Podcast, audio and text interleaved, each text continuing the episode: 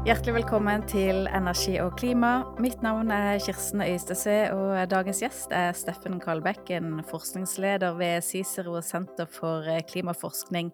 Velkommen, Steffen. Takk skal du ha. Denne uka så starter FNs klimatoppmøte COP28 i Dubai. Og Steffen, du har pakka kofferten og reiser ned om et par timer. Hvilke forventninger har du til møtet?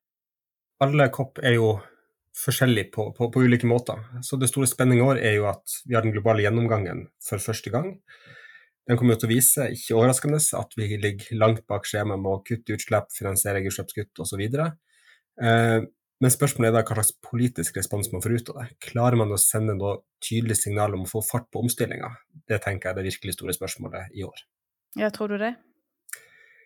Det er vanskelig å si. Eh, dette går tilbake til det som egentlig starta i, i, Glasgow på COP26, der man for første gang klarte å si noe mer spesifikt, eh, da med nedfasing av, av kull.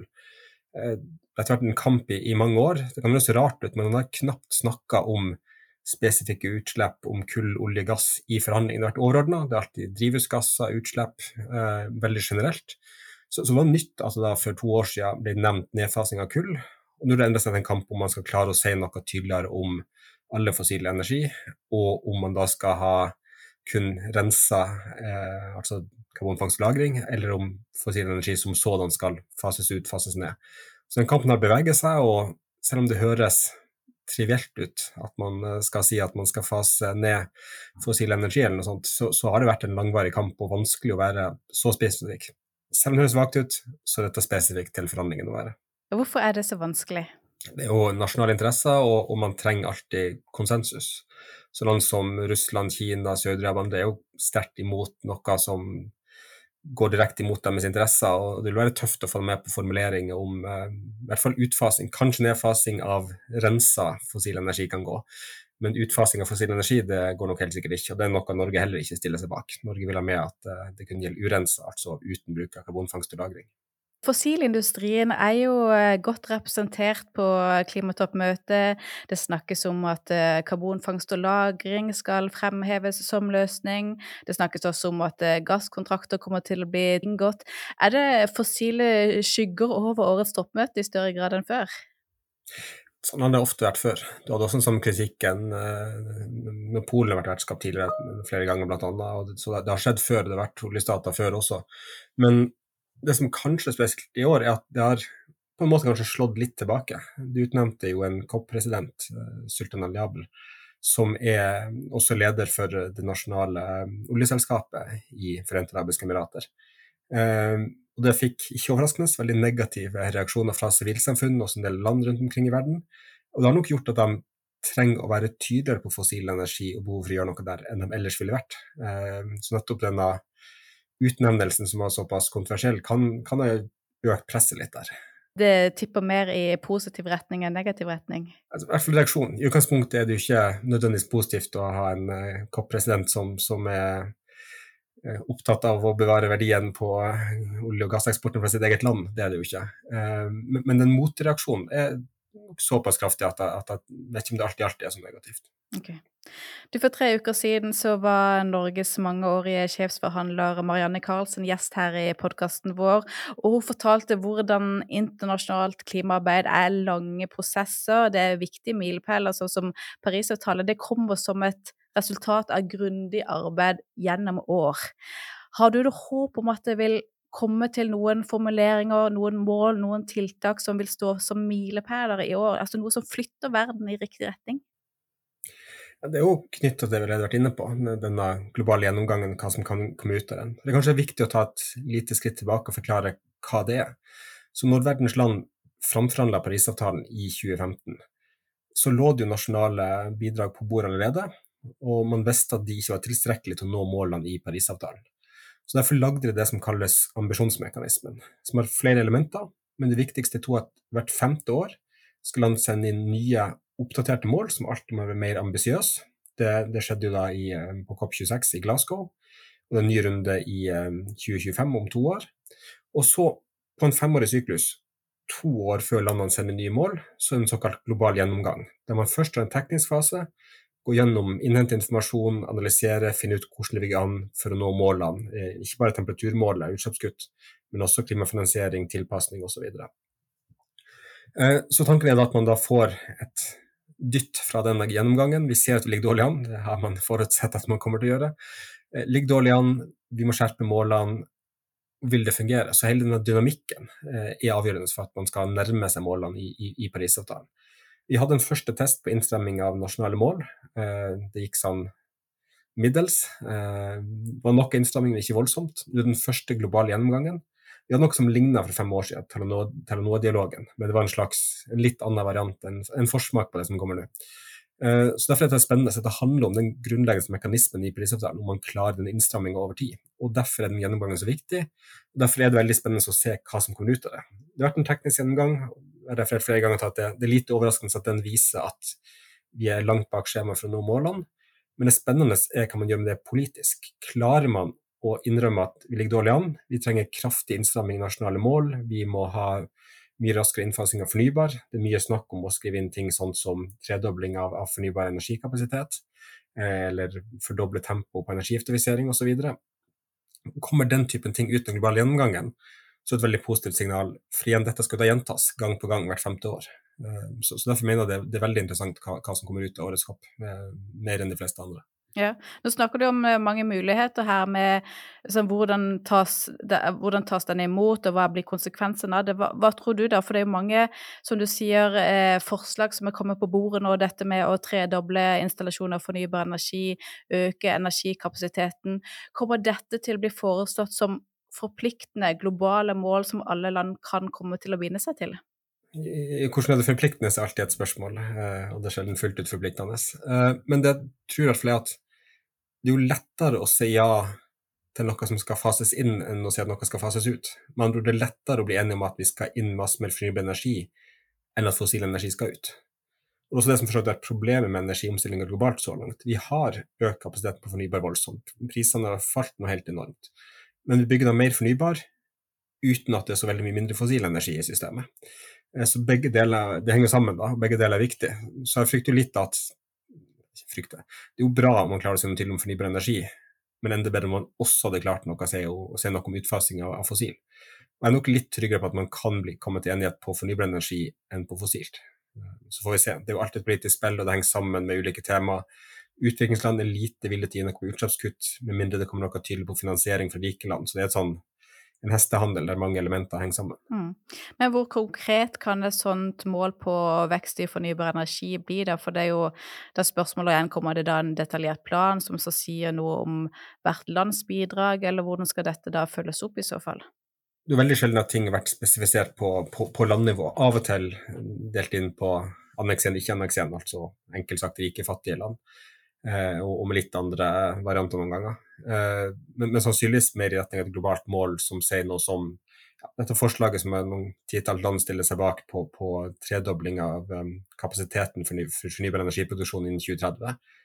Eh, det virker å være mye momentum bak. Også denne ideen om å fordoble tempoet i energieffektiviseringa. Og, og, litt sånn lignende forslag er det også ting for på bruk av karbonfangst og -lagring og sånt. Men, men, jeg tror rundt den type formuleringer kan det nok kanskje være mulighet å, å få til noen slags enighet. Mm. Men ø, den, den, globale gjennomgangen som helhet, forventer du at den vil utgjøre noe som, som flytter verden? Ja, altså det er jo Man blir jo alltid deprimert av å se på detaljene og hvor, hvor små endringer det er i formulering og sånt, så, så det liker jeg å se på det litt større bildet. Så hvis du hopper helt tilbake til København 2009, det, det mange regner som den største fiaskoen i klimaforhandlingene, man skulle få en ny global avtale, så kom det ikke med de løftene som lå på bordet da, så forventer man en temperaturstigning på rundt 3,5 grader globalt. Pluss-minus en halv grad, alltid stor usikkerhet. Hvis du ser på de samme analysene nå utført av de, av de samme organisasjonene, så er det rundt en grad lavere. Og det er jo enorm framdrift. Eh, klart det er fortsatt mer på ambisjonen enn på gjennomført politikk. Gjennomført politikk så er det ikke helt en grad under dette. Um, men, men, det er jo framdrift. Hvis du ser på det som skjedde i, i eh, Glasgow for to år siden, landet leverte inn nye nasjonale mål Eh, og det også var en del initiativ på sida på, på, skog og metan etc. Så var anslagene den gangen at de løftene i sum senka forventa global temperaturøkning med 0,2-0,3 grader. Det er jo betydelig. Eh, det er liksom lett å se seg blind på at nei, vi klarer ikke helt 1,5 grad eller godt under 2 grader, men, men det kryper nedover. Men det er igjen mye flinkere på ambisjonene enn på gjennomføringa. Mm. Ja, for det er jo det som er utfordringa her, at det er åtte år nå siden Parisavtalen, og utslippene øker, og temperaturen øker, og man får en følelse av at det, det, går for sakte, da. Hva er det som gjør det så utrolig vanskelig å enes om de konkrete tiltakene som, som snur trenden? Det, det, er jo en ren interessekonflikt. Det er jo store oljeproduserende land, jeg skal huske at Norge også er et av de, eh, som ikke har interesse av at fossil energi fases ut altfor raskt. Eh, motstand i befolkninga, som riktignok noen ganger skyves foran seg. Man ser det nå i, i Storbritannia f.eks. at de ruller tilbake en del tiltak fordi de, de, er redd for at det skal være for politisk upopulært. At det rammer befolkninga og i neste omgang da eh, den sittende regjeringa. Eh, så det er jo ren interessekonflikt, både næringsliv og befolkning som er bekymra for for rask omstilling eller tiltak de er komfortable med. Mm. Og derfor, som du sier, eh, så kan det være vanskeligere å få inn tydeligere formuleringer på å fase ut ting man skal bli kvitt, enn å fase inn eh, det vi skal ha mer av. Eh, men som du også nevnte, på COP26 så var det jo en formulering i slutterklæringa på nettopp dette med behovet for å fase ned bruken av kull. Tror du at den kan forsterkes i år eh, og endres fra fase ned til å fase ut, og kanskje inkludere også annen fossil energi?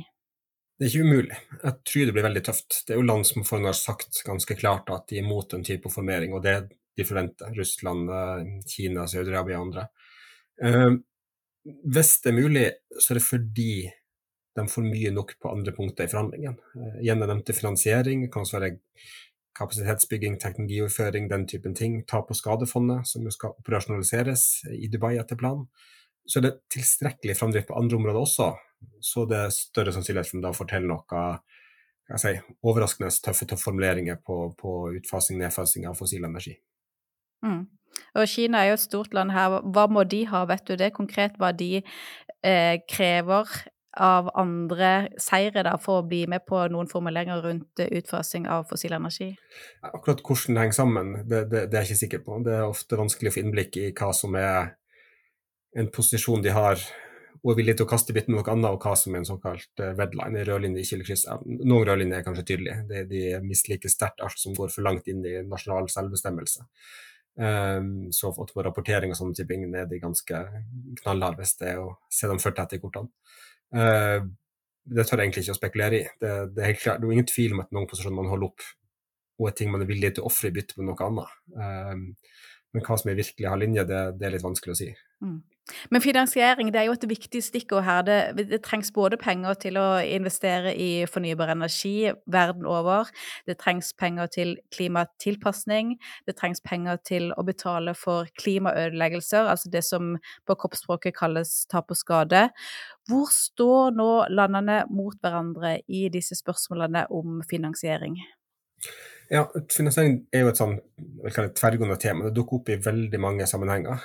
Så, så, hvis jeg trekker fram tre ulike områder i år, så kan vi ta hver for de hvor, hvor det står. Um, så Den store overordnede er at man skal etablere et nytt uh, tallfesta mål for kollektiv klimafinansiering. Altså et nytt globalt mål som erstatter dette eksisterende målet om 100 milliarder dollar i året, egentlig innen 2020, i, mobilisert i finansiering fra rike land til fattige land. Det skal oppdateres med et nytt tall.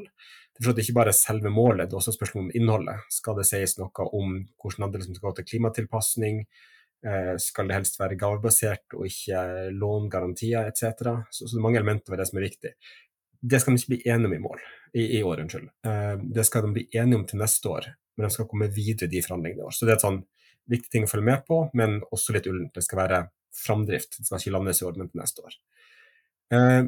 Det mest tydelige punktet der det skal skje noe i år, er jo det nevnte med, med tap og skade.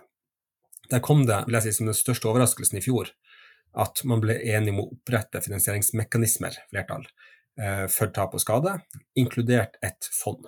Eh, det fondet skal etter planen stå på beina etter årets kopp. Det har vært en overgangskomité som har jobba med det. Eh, de slet veldig med å bli enige, men på overtid på et ekstra møte kom de til enighet rett før COP. Og Der så konfliktlinjen bl.a. om hvem som skal betale inn. Det er åpenbart rike land, det, det er selvskrevet, men så er litt mer uklart hvordan skal du formulere det. Er det skal de bidra, er de sterkt oppfordra? I øyeblikket står det sterkt oppfordra, urge. Eh, og kanskje vanskelig spørsmål der er hva skal man si om andre land? Om de er oppmuntra, tillates, eh, nødes til å bidra? Eh, det gjelder da store, rike land som Kina, Saudi-Arabia, vertslandet sjøl, Forente arabiske emirater. Eh, den Forslaget som kommer ut under komiteen, er da at de oppfordres eller inviteres til å bidra frivillig. Helt klart frivillig, og det, det vil nok alltid være. Så hvor skal pengene ut? Eh, det som står i beslutninga fra Sharm el Sheikh i fjor, er at det skal gå til spesielt sårbare land. Eh, det er ikke noe FN-definisjon av hva som er spesielt sårbare land, så det igjen åpner for, for en kamp. Eh, det inkluderer helt klart de minst utvikla landene og småøystater, som er enige med at en minsteandel Prosenten er ikke spesifisert, men det skal være en minsteandel som skal gå til den typen land. Det er et prinsipp åpen for alle land, som også betyr i prinsippet at Sør-Korea, Israel, Singapore og andre ville kunne søke om, om, penger fra det fondet. Så det blir en kamp der om, om hvem som skal ha tilgang. Um, det har også vært en stor kamp om eh, hvor setet for dette fondet skal være. Eh, det er enighet om at det er midlertidig, første fire år, skal være i Verdensbanken i USA. Og der har du veldig forutsigbare konfliktlinjer. USA ønska det, støtta andre vestlige land. Uh, landene i sør var, var ganske sterkt imot det pga historikken til Verdensbanken. Det har vært mange konflikter rundt lånebetingelser og andre ting. Verdensbanken har tradisjonelt jobbet ganske lite med klima, så, så, det var kontroversielt. Men forslaget ute i komiteen er at det, det skal ha sete i, i, eller være del av Verdensbanken eh, i første fire år. Tredje og siste tema vi nevner der finansiering kommer opp, er under tilpasning. Eh, et av de, to, et av de tre målene i prisavtalen går jo på eh, å tilpasse seg konsekvensene av klimaendringer, og robuste samfunn. Der skal det nå etableres et rammeverk, for målet er jo litt ullent. Det er ikke kvantifisert på samme måte som temperaturmål og utslippsmål. Så man skal ha et rammeverk rundt det på overvåking, evaluering, læring etc. Men et stort spørsmål under det er også finansiering. På COP26 i Glasgow ble man enig om å doble finansieringa til klimatilpasning. Den er i stedet gått ned de siste årene. Så det er en stor kamp, og det er også noe som bidrar til mistillit mellom landene at den finansieringa har gått ned til tross for løftet om å doble den. Så der kan det komme klare forventninger om, om um, nye forutgreielser på, på, finansiering spesifikt til tilpasning. Så det er et eksempel på et område der hvis rike land har noe å gi, så kan det lette forhandling på andre områder, f.eks. rundt energiomstillinga, hva man sier om fossil energi. Hvilke land er spesielt interessante å følge med på i disse diskusjonene akkurat nå? For vi vet jo hvor konfliktlinjene normalt går, at eh, hvis vi skal se helt sånn eh, enkelt på det, så er det rike mot fattige, og så har du de som tidligere var fattige, som nå er litt ikke så fattige, som man da gjerne man ønsker at skal bidra mer. Men, men vi skal peke på noen land da, som, som, du ser kan flytte seg litt og være med på å, å få fremdrift. Så det er jo, Siden det er konsensusbasert, så er det viktigste at de som ellers er de sterkeste motstanderne, er villige til å kompromisse. Eh, det blir jo fort da eh, Kina. De har jo en sterk stemme. Eh, og skal på at De legger jo også press på andre land i forhandlingene for å få dem til å stille seg bak Kinas linje. Det, det er mye maktbruk her. Eh, har overført afrikanske forhandlere fortviler over hvordan Kina renner seg tungt på dem for å få dem til til å ta inn, innta bestemte posisjoner og sånt, og minne på hva slags investeringer de har gjort i hva det havn eller jernbane i deres land. Eh, så, så den makta de har, den, den bruker de. Eh, så Kina er ofte en nøkkel. India er et annet stort, mektig land, helt klart. Ellers er jo da ofte alle som faller under den gruppa som kalles LMDC, likesinnede utviklingsland. Eh, de likesinnede med tanke på å beskytte fossile interesser og ikke altfor ambisiøse utfall, vil jeg kanskje si. Eh, der inngår de jeg nevnte, eh, men også de fleste oljestater, i, altså arabiske land i stor grad. Så det er grupper som ofte har ganske tøff, tøffe forhandlingsposisjoner og vanskelig å rikke på. Så et sted mellom dem og EU, som ofte er den store pådriveren på, på utslippskutt, eh, afrikanske land, småøystater hvis det gjelder mer type tilpasning, tap og skade, så, så, det er ofte rundt den gruppa spenninga står. Eh, altså på andre områder, f.eks. tap og skade, så er USA den største bremseklossen. Der er det de som ofte må være villige til å kompromisse, bøye litt av hvis det skal bli. Så jeg ville sagt at det handler det er ikke som et demokrati der det er velgerne i midten som har makta. Eh, siden det er konsensusbasert, så er det ofte den som eh, vil bremse mest, som har makta. Og det er jo dessverre ganske gjenkjennelig fra år til år hvem det er som, som bremser mest i ulike forhandlingsspor. Hvor vanskelig blir det da å enes om eh, rammene for dette tap- og skadefondet, som kanskje er det, det viktige som følges med på? Altså, jeg ville på forhånd sagt at det kom til å bli ekstremt vanskelig. Jeg var jo veldig overrasket i fjor da de kom til enighet. Dette har vært en veldig langvarig kamp. Små øystater har ønska seg å ta på skade som et tema i nærmere 30 år, tror jeg. Eh, da kunne de presse på for kjempelenge og vært sånn et norsk Stonewall der USA. USA er blokkert fullstendig. De er redd for å skal innebære noe slags erstatningsansvar. det er en veldig sånn juridisk tankemåte, vil ikke innrømme noe slags skyld eller ansvar. Så kom det likevel i, i Sharm el Sheikh i fjor, som overraska meg. Eh, og så får vi se det i år. Det, jeg forventa det skulle bli like tøft, men denne overgangskomiteen kom til en enighet. Klart det er ikke alle nesten 200 land som er med der, eh, men, men, det viser nok en, en, en landingssone omtrent kommer til å komme opp med et viktig forbehold, og at det skjedde et eller annet rart på det siste møtet, der USA visstnok var ute av rommet i det den siste beslutningen ble fatta. Eh, jeg vet ikke helt hva som skjedde, man satt og venta at USA var ute før de banka gjennom, eller hva det var for noe. Så USA er ikke enig i at det var et enstemmig vedtak fra den overgangskomiteen. Så det er noe, som blusser opp på nytt. Eh, og Det gjelder bl.a. På, på dette med hvem som skal bidra inn til fondet. Hvor sterk forpliktelse det er på rike land, og hvor sterk oppfordring er til også andre land til å bidra. USA og Kina, to, to, mektige land, og to land som til sammen står for omtrent 44 eh, av eh, verdens CO2-utslipp. Så har vi jo sett noen positive signaler gjennom høsten, at de har tatt opp igjen denne klimadialogen. Hva betyr det, og, og kan det gi noe håp? De er jo svært mektige land. Eh, den enigheten de hadde i 2014, ett år før Parisavtalen, former i stor grad det som kommer ut av, av Parisavtalen. Så blir de to enige, så er det ofte omtrent det resten av verden også, også blir enige om. Så, så, det er klart at makt betyr noe. På papiret så er det ett land, én stemme, og alle må være enige, men, men i, i, praksis er det klart at makt betyr noe. For at de har handelsrelasjoner, militære relasjoner med andre land, de sier fra om hva de ønsker seg, og, de bruker den makta de har. Uh, så det er positivt, og ikke minst positivt uh, altså at de har gjennomtatt dette samarbeidet. Det er positivt, ikke minst i lys av at dette er et år med spesielt store geopolitiske spenninger. Du har jo fra tidligere av uh, Russland til invasjon av Ukraina. så har du Israel-Palestina, som er pågående som nytt av året. du har også mer sånn langvarige ting med f.eks. mangel på eh, koronavaksiner gitt fra rike land til fattige land, undergravde tillit der. EU, eh, e som eh, har vært sterkt imot å investere i, i, fossil energi, så får de en energikrise, og da vil de kjøpe alt som finnes på markedet, og ber afrikanske land pumpe opp alt de kan, i hvert fall av gass. Så sånn, når det er viktig for dem sjøl, så er det ikke så viktig med klimapolitiske prinsipper lenger. Så det er mye sånn mistillit som ligger under der, og, og gjør forhandlinger vanskelig. Og i det bildet er det positivt at USA og Kina har gjennomtatt samarbeidet sitt. Det, ble jo frosset en stund. Uh, om det er nok til at man får et ambisiøst utfall i år, er ikke sikkert, men det er bedre enn om de ikke hadde gjennomtatt det samarbeidet. For de har makt, og de bruker makta de har. Men snakkes det noe om de har noe, noen avtaler som diskuteres, noen konkrete tiltak som, som, er oppe til forhandlinger? Vet du noe om måte, hva de, den dialogen mellom USA og Kina konkret kan, kan bidra til? Det minner jeg at jeg er usikker på. Eh, det er alltid mye ting som foregår på, på sidelinjen, og, og, som regel er det en overraskelse som er ikke gått inn i prosessene fra, fra innsida og vet om det på forhånd. Uh, det man vet jobbes med, er jo det, de her formuleringene rundt utfasing og nedfasing av fossil energi. Det er ulike koalisjoner som har danna seg. og Der er det ganske klart på forhånd hva som muligens kan komme. Uh, men det bruker om overraskelse. Igjen dette med tap og skade fra i fjor. Det skjønner fortsatt ikke helt at man fikk full enighet om, siden det har vært så, så, så vanskelig i så mange år. Eh, så det er ofte ting som rører seg litt eh, bak kulissene, som, som, man ikke får med seg. Eh, uten å ha et veldig godt nettverk i, i, alle land, så er det vanskelig å få med seg alt sånt, innrømme. Så det er mer å sitte i forhandlingsrommet og der prøve å plukke opp signalene om, om, hva som rører seg, hva som kanskje kan komme til å skje. Mm. Det har jo vært en økende trend til at der man har sett at det er villighet, men man får ikke med seg alle land, så inngår man da avtaler som ikke inkluderer alle.